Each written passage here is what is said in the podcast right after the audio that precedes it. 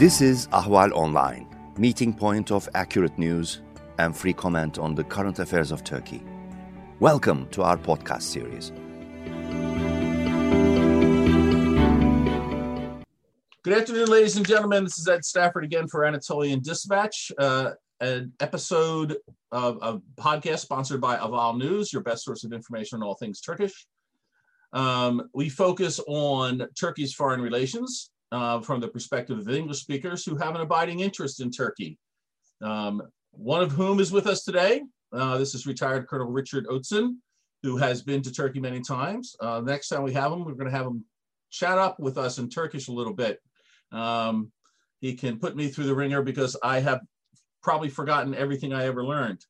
Uh, and uh, for those of you who are not, who did not catch an earlier episode with uh, with Rich, he's was he's been to Turkey a number of times. Um, he was working there for a while with um, former Ambassador Jim Jeffrey on the Syria Turkish relations account, and he is now back in Washington. He's no longer part of the US government, which is why we are able to hear his wisdom and knowledge. Uh, for many of you, you know that if we were still with the US government, we would be gagged. So, maybe bound. Rich, how are you today? Thanks, Ed. It's good to be with you again. And uh, I appreciate the opportunity to, to share some thoughts uh, with an old friend and uh, with someone who shies, uh, shares that abiding interest that you talked about. So thanks for having me. Well, um, we uh, we do get feedback from time to time from people, so we actually got a lot of very positive feedback the last time you were with us, which is why I was really hoping to get you back again. Um, it's a good way to start June. Uh, here we are coming into the summer months. We'll see what that holds for both the United States and Turkey. But I wanted you to speak a little bit, if you could. Um, maybe we could exchange some different thoughts on the um, the visit of Deputy Secretary of State Wendy Sherman. Um, she was making kind of a grand tour. She went to Brussels for some NATO meetings, but then she went to um, to Turkey, both to Ankara for official meetings, and then Istanbul, uh, where she called on the uh, ecumenical patriarch Bar- Bartholomew, and uh, now she's off to uh, Cambodia and then I think Indonesia, and that wraps up her her visit.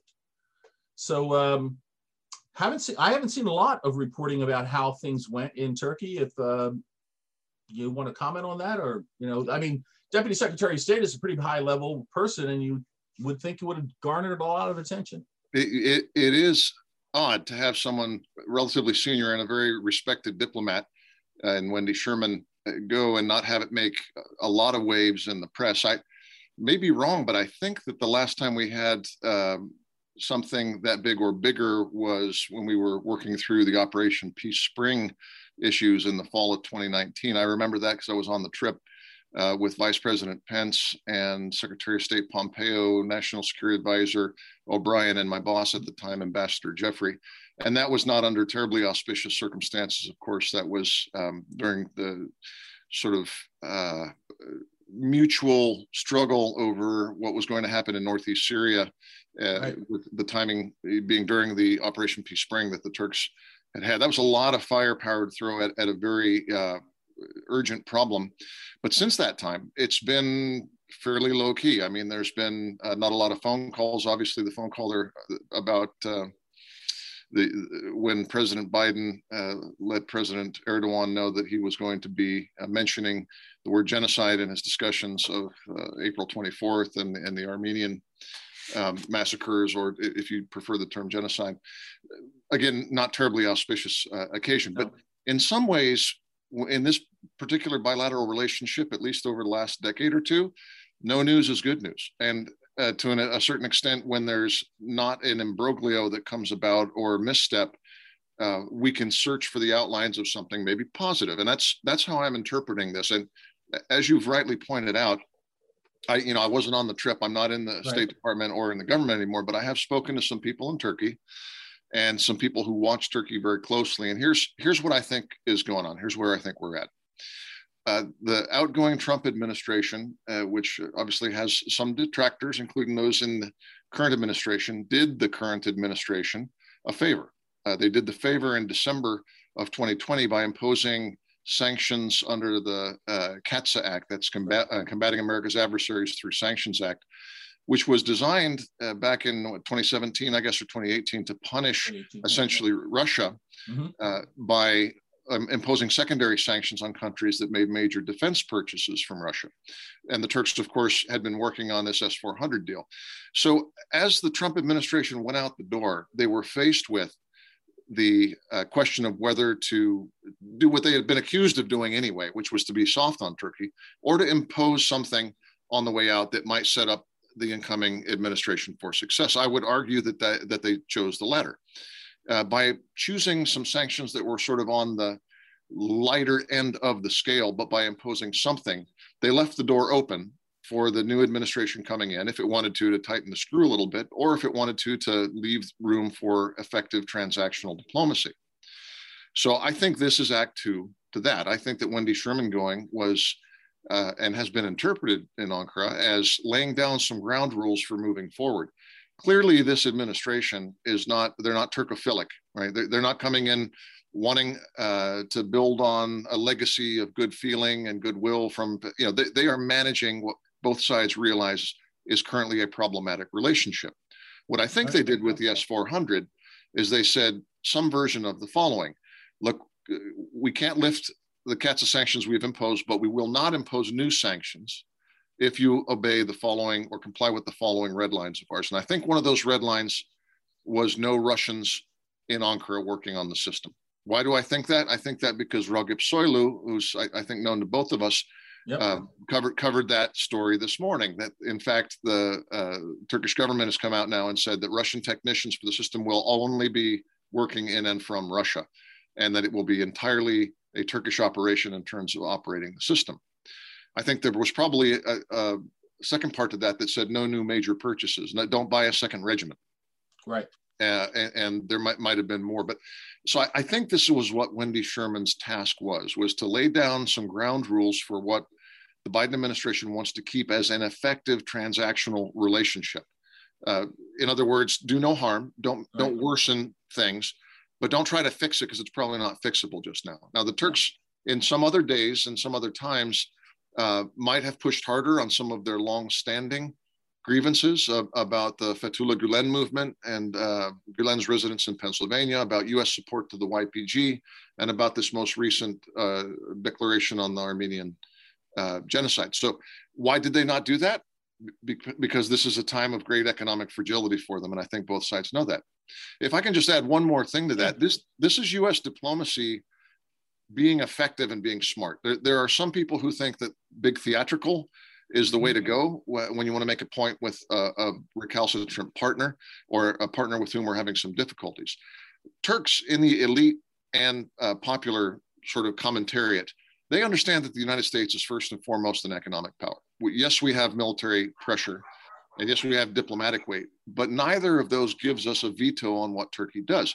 But the economics is a unique form of leverage that we have. And I think the Turks get that. Sorry about that. My apologies to everyone. Please go on.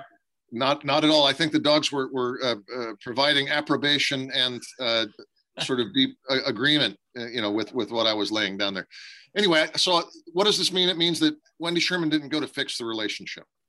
And we shouldn't expect that what she did is going to provide a, a silver bullet to fix S 400 or the other.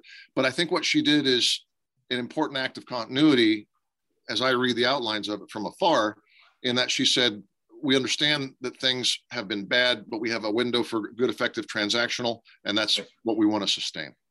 Okay, let me let me pick up. I, I think all that makes make, makes perfect sense.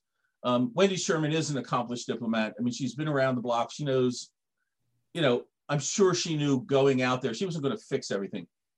I do want you to comment, though, on one other element just before she went. And my understanding that was that um, Ankara and Istanbul were not on the original itinerary that she had. That the original itinerary was go to NATO, do all the sort of stuff that she had to do there, then it was becoming the East Asia Pacific visit. It was the visit to Cambodia and it was the visit to Indonesia, and which Indonesia being the, the most important aspect of that visit.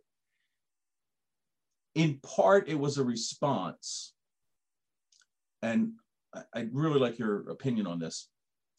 To the the statement that came, we had a little combat of, of podium speak. Um, when the events were going on between Israel and Hamas at Gaza, um, President Erdogan made a statement that essentially said President Biden had blood on his hands. Um, then Ned Price, the State Department spokesman, I think it's worth noting, not the White House spokesperson, but the State Department spokesperson, um, came out with a statement that essentially called Erdogan um, anti-Semitic. And um, I really think there was there was a danger there for a moment that we were going to get into um, diplomacy from the podiums, which is a disaster. No, no, matter, I don't care which school of diplomacy you come from, having senior officials or spokespersons of senior officials arguing in public against each other and calling them going in veiled terms, of course, that nobody does this out its veiled terms, calling them names. Um, it's not helpful to anyone or any relations. But do you think that part of what her job was was to kind of say, okay, guys, let's let's not do this. Let's, in a sense, let's not fight in front of the children, as it's sometimes referred to. No, I, no, I think that's that's a good inference to make it, and and I think uh, what I was calling the the diplomatic Heisman you know, the, the, the, big hand pushing off is essentially what happened for the first three months of the administration. So, you know, they came in to, to office yep. January, what, uh, 20th, 21st, uh, I guess the 21st would have been the first day at work. Yeah. Uh, and through to February to March to April, that's three months with no senior level contact. Now we have a very competent ambassador uh, oh, in yeah. David Satterfield out, out there, and I think he's done a fantastic job. But but people know that, especially when you're a, a carryover ambassador from the previous administration, that you may or may not have the ear of the seniors in the new administration. And there was crickets, you know, silence uh, in, in, terms of senior level context. I think Kalin and O'Sullivan had a call or two, but when the president, neither the president uh, nor the vice president has a senior level conversation in the first three months, it's a sign of, of problems. And this is not a relationship that benefits from drift. Uh, there, there's not a, a, good sort of um, inertia or inertial momentum to it. So I think uh, this wasn't a reading of the riot act to, to Ankara no, by any means, no. but I, I, think it was a recognition that we need to let's let's talk because this is headed in a bad direction rhetorically. Yeah. And, and having a senior because the Turks afford and accord great respect to senior level diplomats. They like uh, the regular traffic of senior officials coming in, and this was a way to calm that down. Right. Um, one thing, one thing I would note, and this goes back to your point about, um, in, in, many ways, no news is good news. Um, today, from the press office of the State Department, was released your kind of your standard anodyne uh, press release about Wendy Sherman's visit in Cambodia. You know, she met with this uh, person, blah blah blah. There has been nothing about her visit to Turkey. At the same time, there's been nothing from the Turkish Ministry of Foreign Affairs about it. Now, you know as well as I do, Turks are very protocol conscious. Mm-hmm. Wendy Sherman, in we understand her rank and her access and her importance in US foreign policy. But for many Turks, Deputy Secretary of State doesn't have the same cachet that Secretary of State would or Vice President. So I think it might, I mean, I don't think it's a big deal that this did not get a press release from the State Department about her her conversations and her meetings and all that sort of stuff. I, I would agree with that. And, and I think in the age of, of digital diplomacy in which we live, sometimes the formal statements say far less than, for instance, a tweet. And if I'm not mistaken, I think uh, Deputy Foreign Minister Onal did put out a statement, uh, not a formal statement, but a tweeted statement uh, on social media accounts saying that they appreciated the visit and it was a cordial exchange. Yeah, so, that's right. Yeah. Right, so and, I, and, I, I, and you're it, right about this, the social media having much much more weight in this this day and age. Yeah, you know, um, and and the thing is,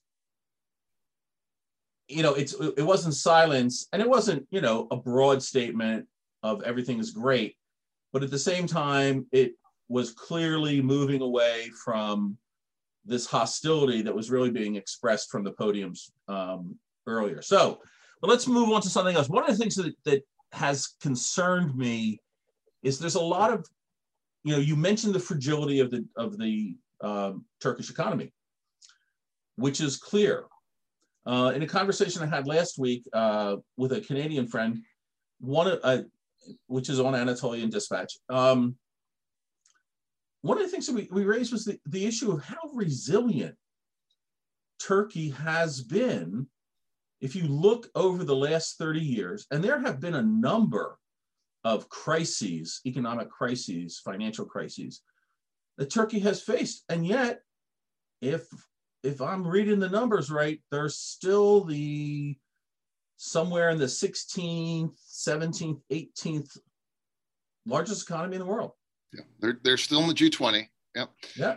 And uh, you know they had this tremendous growth in the first decade of the AKP government, uh, where there was a tripling in real terms of, of, per capita GDP.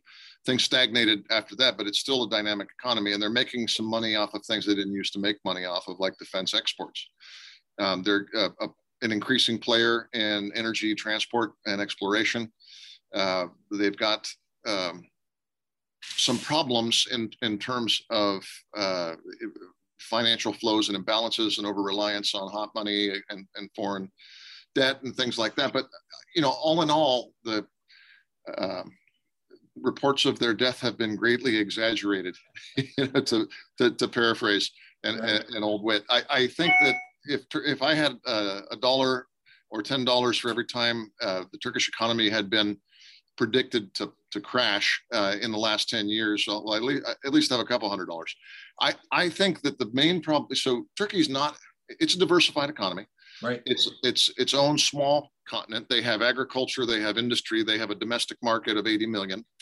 Um, and they have robust trade relationships. And when they do suffer, when they get punched in the nose because there's a devaluation or, or, a hiccup, which has happened, you know, you know, in the late 90s and at least once in the 2000s, what happens is their exports get cheaper, their people suffer because they can't buy as many imports.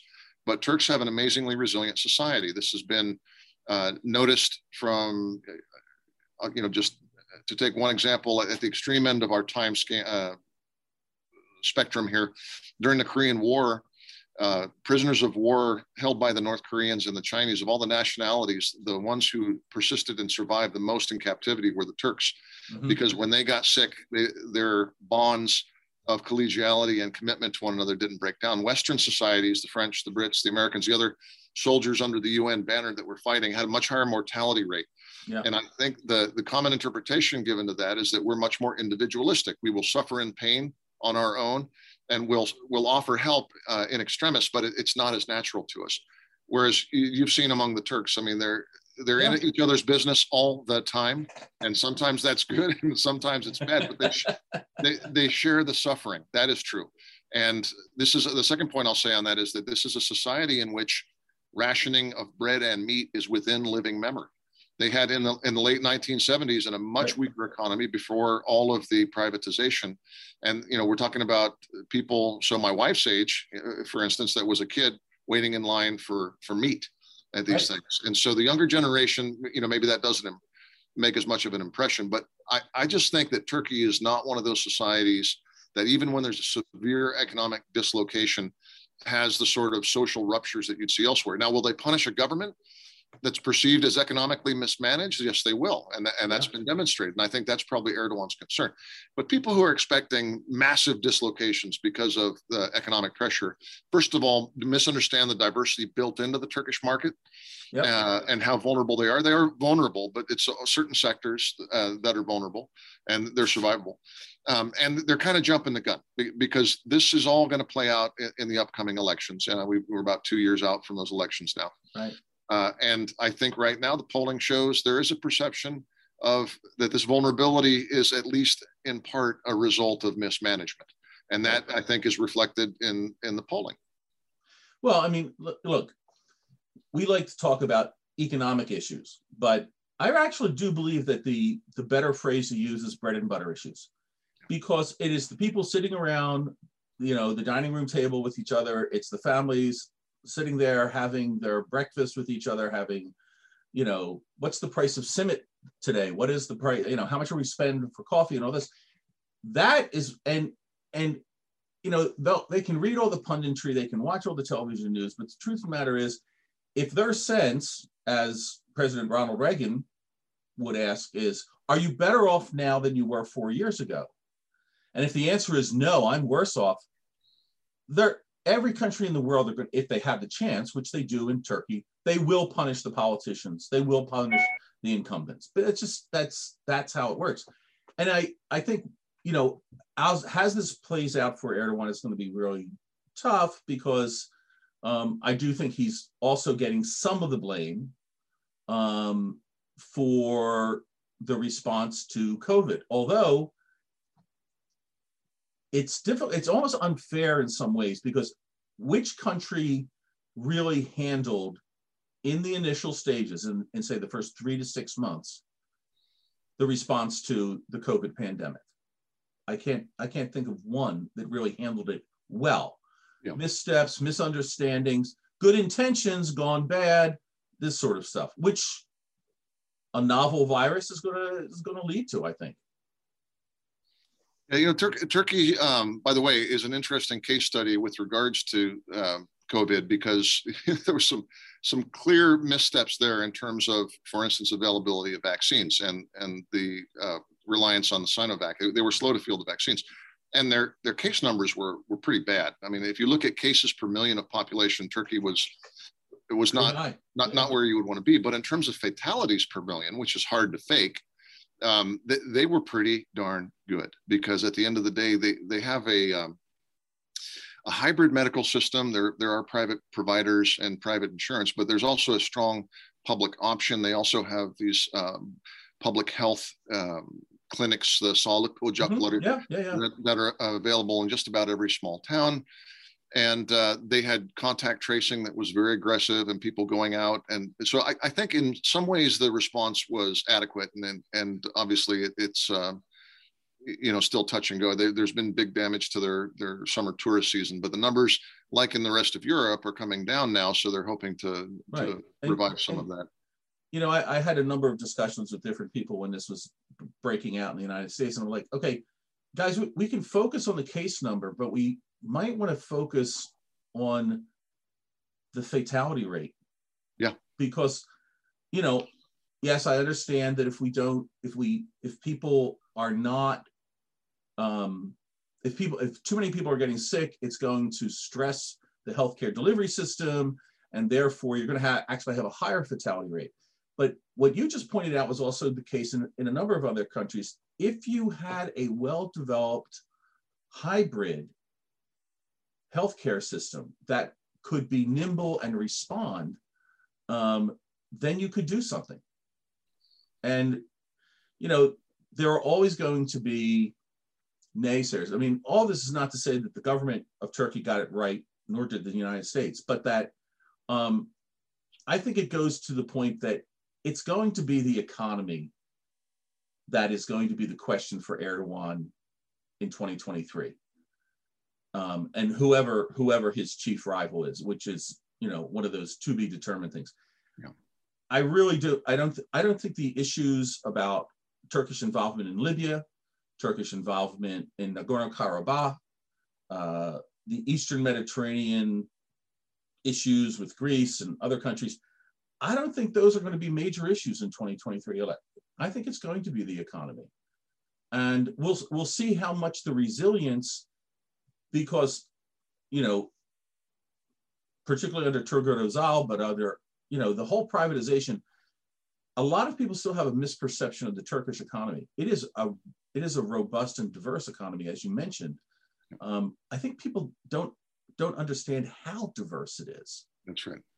I mean, and obviously, agriculture and tourism are important sectors that they're a little vulnerable to the Russians on. We hear that quite a bit, but even with that, um, you know, they they're tourism from Arab countries has gone up dramatically, and so they, I mean they're adaptive in that way. Um, I want just if I can go back for sure. just a minute to yeah. the to the Wendy Sherman thing. I want to mention mention that I understand there's another visit in the works uh, that's actually happening. I think this week and if I'm not mistaken, it's an official from USUN uh, who's going out to talk cross-border issues. Now, this is tied to my other portfolio that I was working right, in right, Syria. Right, and I think one of the things probably that, that Wendy Sherman talked about um, that will be followed up by this next visit is this cross-border issue. And, and by that, I mean that there are five, there were five up until last summer, um, border crossings into non-regime held territories that the UN and World Food Program and others associated with UN could use. Now, when when those are not approved and they have to be approved every six months, then the UN cannot use them. Now, right. Turkey can use any number of crossings, uh, Bab al Salam, Bab al Hawa, and others, because it's by for their own bilateral stuff to the Syrian opposition yeah. or Syrian communities, they can do it. But the bulk, the bulk of the aid that comes from multilateral donors has to go through UN approved uh, crossings. And last summer, the, the Russians closed off four out of five of these across border, including one called Yarubiya, which is out on the Iraqi border. Mm-hmm. Uh, now, now there's Bab al Hawa that's still operating, and the Russians probably are going to try to close that down this summer because they want all of the aid cross border to come. Well, they want it to come from Damascus, so they want to empower the Damascus regime by having the right. UN send all aid through them, which would give them incredible leverage. So the U.S. and Turkey have a very sharp shared interest on this. And I su- right. suppose that uh, some of the visits going on um, are, are, especially if we've got a USUN or other officials going out to talk about that, is trying to develop this shared interest that we have. And I think if there was a positive point as opposed to a cautionary point from the visit, that was probably it. And to tie that together with this week's visit, I, I think these are two important signs uh, in the lead up to the what the uh, is it June 14th that we're supposed to have an Erdogan uh, Biden meeting on on which again I don't expect to solve a whole bunch of of uh, the bigger issues, the structural issues, but it's a good sign that the Turks at least want some positive and, and the Americans want some positive momentum heading into that. Yeah, I, I, I agree with that absolutely, and I think one of the important things to note is that um, you know in the, news reporting on Wendy Sherman's visit um, it is mentioned that she had um, a great amount of praise to offer to the Turkish government for the way it has dealt with the millions of refugees that have come in from Syria into Turkey.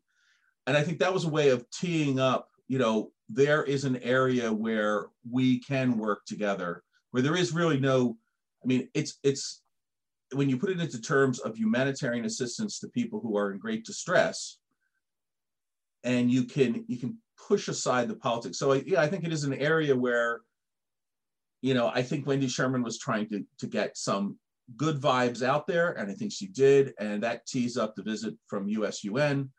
So yeah, there's there's a hopeful sign. Um, the the June meeting, you know, should be interesting. Yeah, I, I agree with you. I don't think, you know, I don't think it's going to be about solving things. I think it's going to be about um, about one, letting Erdogan understand that um, Joe Biden does not deal with foreign leaders the way Donald Trump did. Donald Trump was interested in personal relationships. It wasn't a personal relationship. He didn't get along with people. Um, Joe Biden is is a creature of the U.S. foreign policy community going back what 40 years? I mean how many years was he a senate foreign relations committee chairman or the ranking member? So um, that's something that you know this is this is why the, the lack of a phone call to me was disappointing because erdogan's not going to understand that until he actually deals directly with biden. Until until that direct um, until that information comes to him directly that biden is a is a is kind of a, a more um, institutional um, foreign policy guy rather than a personalized foreign policy guy, um, there's going to be plenty of room for misunderstanding. So hopefully June will eliminate some of the misunderstanding about, you know, what what is the nature of the person Erdogan is dealing with when he's when he's dealing with Biden. Yeah, I, and I think uh, in any case that there are outer limits. People sometimes uh, get a little hyperventilated talking about Turkey because they're like, oh my goodness, you know, we, we should kick them out of NATO or that things are, they're turning into something, or it's a rogue regime, you know. Look, we're NATO allies, and, and that provides some structural breaks on how far the difficulties can go. I was uh, noticing this morning about the major NATO exercise that we had in the Balkans, including deployment of the Very High Readiness Joint Task Force, Turkish led currently, into Romania for uh, operations. And this has made the Russians somewhat uncomfortable, which is sort of what it's designed to do. And guess what? If you want to have NATO uh, response force deterrence in the Black Sea region and uh, in Eastern Europe to, to protect the eastern flank of NATO, you cannot do that without Turkey. Right. And that's not just because of Turkish geography, that's because of Turkey's very real and very potent military capacities. So people who talk about, you know, like the outer limits of this being not something we can slow down or break or mitigate the frictions. Um, and and you know who I'm talking about. There's people in Washington who write such things and try to paint them as a rogue regime or this this is just craziness. I mean, at the end of the day, they are an indispensable ally, and they bump up against the irreducible fact that they are dependent upon our goodwill economically. They do. And they respond to that, and their people know it. And that's why they have to, you know, dot their I's and, and cross their T's yep. on certain things when we really, really care. And at the same time, we have a dependence on them for security and uh, stability in a big swath of Eurasia because of their presence and because of their capabilities. We are mutually dependent. And what that means is that we are going to work through the difficulties. They're not an easy ally, they never have been. And I'm not saying we should give them a free pass because of that mutual dependence, but I think so far the signs are that this the administration is working to maintain a balance of sorts um, with with some some sticks and some carrots appropriate to that. Yeah, and and I'll return to one thing. I mean, um, I had some um, far too limited experience working with David Satterfield when I was posted to Iraq, and he was a number of times serving essentially as the acting ambassador um, during the the absences of uh, Ryan Crocker. I mean, he's he's one of the very best that we have. Um, he's a consummate professional. He's very bright, and I think, I hope that the uh, the people inside the Biden administration, whether it's Blinken's people over at state or whether it's other people at the White House, that they understand um, this this guy needs to stay in place. Um, he's highly regarded by by his Turkish counterparts um, in the Ministry of Foreign Affairs. I mean, the people he has to work with. So, and to me, it's a very good sign that he hasn't, as a career diplomat, he hasn't been pushed aside for you know somebody from the electoral campaign of, of Joe Biden. Um, you know how this game works, and yet it's re- I mean this is a key ally. Um, again, it's in it's in the G20. It's one of the 20 largest economies in the world. Uh, we're not going to be able to move the country from where it is, and it's in a geostrategic place. So, and again, keep the professional in there the other thing that that returns a little bit to my point about you know we're out of the personalized diplomacy of the Trump years, and then let's be honest, it was personalized to a large degree. We're back towards the more institutional diplomacy. One way to send that message loud and clear to people is to take those career foreign service people who are chiefs of mission and leave them in place. Don't just willy nilly pop them out because they happen to be serving as an ambassador when Trump was president of the United States. I mean, there's been far too much personal bias, far too much action by the Biden administration to just knee jerk react against something because Trump was for it or for something because Trump was against it. That's not a good way to run policy. I don't see it as much in foreign policy as in domestic policy, so that's good. And I really hope that somebody like David Satterfield continues in that position because I think he's incredibly valuable to us. Yeah. And, to, to be a little glib about it, it may be the case that the people who want to be rewarded for uh, campaign service want to go to countries a little bit less thorny in the bilateral relation than Turkey. So before before we close, since you mentioned Romania, which was um, um, one of my postings, um, the the I had to tell my Romanian friends, okay, the, the Turks were visiting this rapid reaction force, uh, special reaction force, um, but but but they weren't there to reestablish the uh, the uh, the control of the Ottomans. Relax, guys. But um, there was an ambassador to um, Romania from the United States. His name was uh, Jim Rosapepe. He's kind of famous. You can um, you can look up the IG report on him, which is entertaining reading. And uh, we always joke that that uh, he had worked very hard on the Clinton and um, uh, Clinton Gore campaign to get uh, Bill Clinton elected in '96. Uh, and um, we always joke that what happened was the White House called him up and said, Hey, Jim, how would you like to be the ambassador to Rome? he thought he was going back to Rome, where he had been born uh-huh. um, as the, the son of two journalists, American journalists. Uh, so uh, we all think that he thought he was going back to Rome. But I think I take your point. Actually, it's kind of sad because um, it would just absolutely be challenging um, it's a challenging relationship with Turkey, but and yeah, being being in Ankara uh, is not as um, I don't know what it would. Placid. Let's face it, Istanbul is one of the greatest cities in the world. Ankara is not. Okay, fine, but still, it's, it's there are not many postings um, of more importance to U.S. I mean, the you know, okay, fine. I you, you, get to go to what? You get to go to Belgium as the bilateral. Well, Rome, Rome sounds good. Ireland, I think I, have heard that a lot of them like to go to Ireland or Scandinavia. But look, if it was me or you, I think we'd choose to go to Turkey. So, oh yeah, absolutely. Yeah. But I, I, don't I understand the Biden administration is not planning on calling either one of us anytime soon. No, I I, I think I burned my bridges with them, uh, or at least some of the people who are over there in state. I burned those bridges quite some time ago. So um, yeah, but we can, that's that's for another conversation.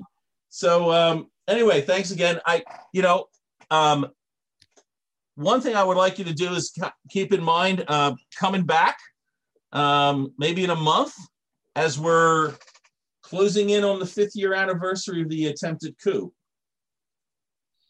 And that is something I think worth talking about kind of, you know, how has Turkey moved on um, from what was, a, I mean, I, and we can talk about how, how few Americans really appreciate, um, you know, look, January 6th was not a coup attempt. What happened in the United States at the Capitol. I mean, it's a terrible thing, all that, but most Americans don't understand, you know, how traumatic July 15th was. Yeah. 2016. So I, I look forward to a conversation with you about it. Okay. Very good. Rich, thanks very much. Thanks again.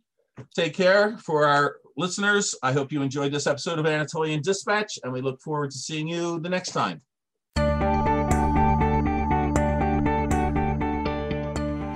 You can follow Ahval News Online podcast series through Apple Podcasts, Spotify, YouTube, Google Podcasts, SoundCloud, and Spreaker. All you need to know about Turkey is here for your ears, mind, and attention. Thank you for listening to our podcast.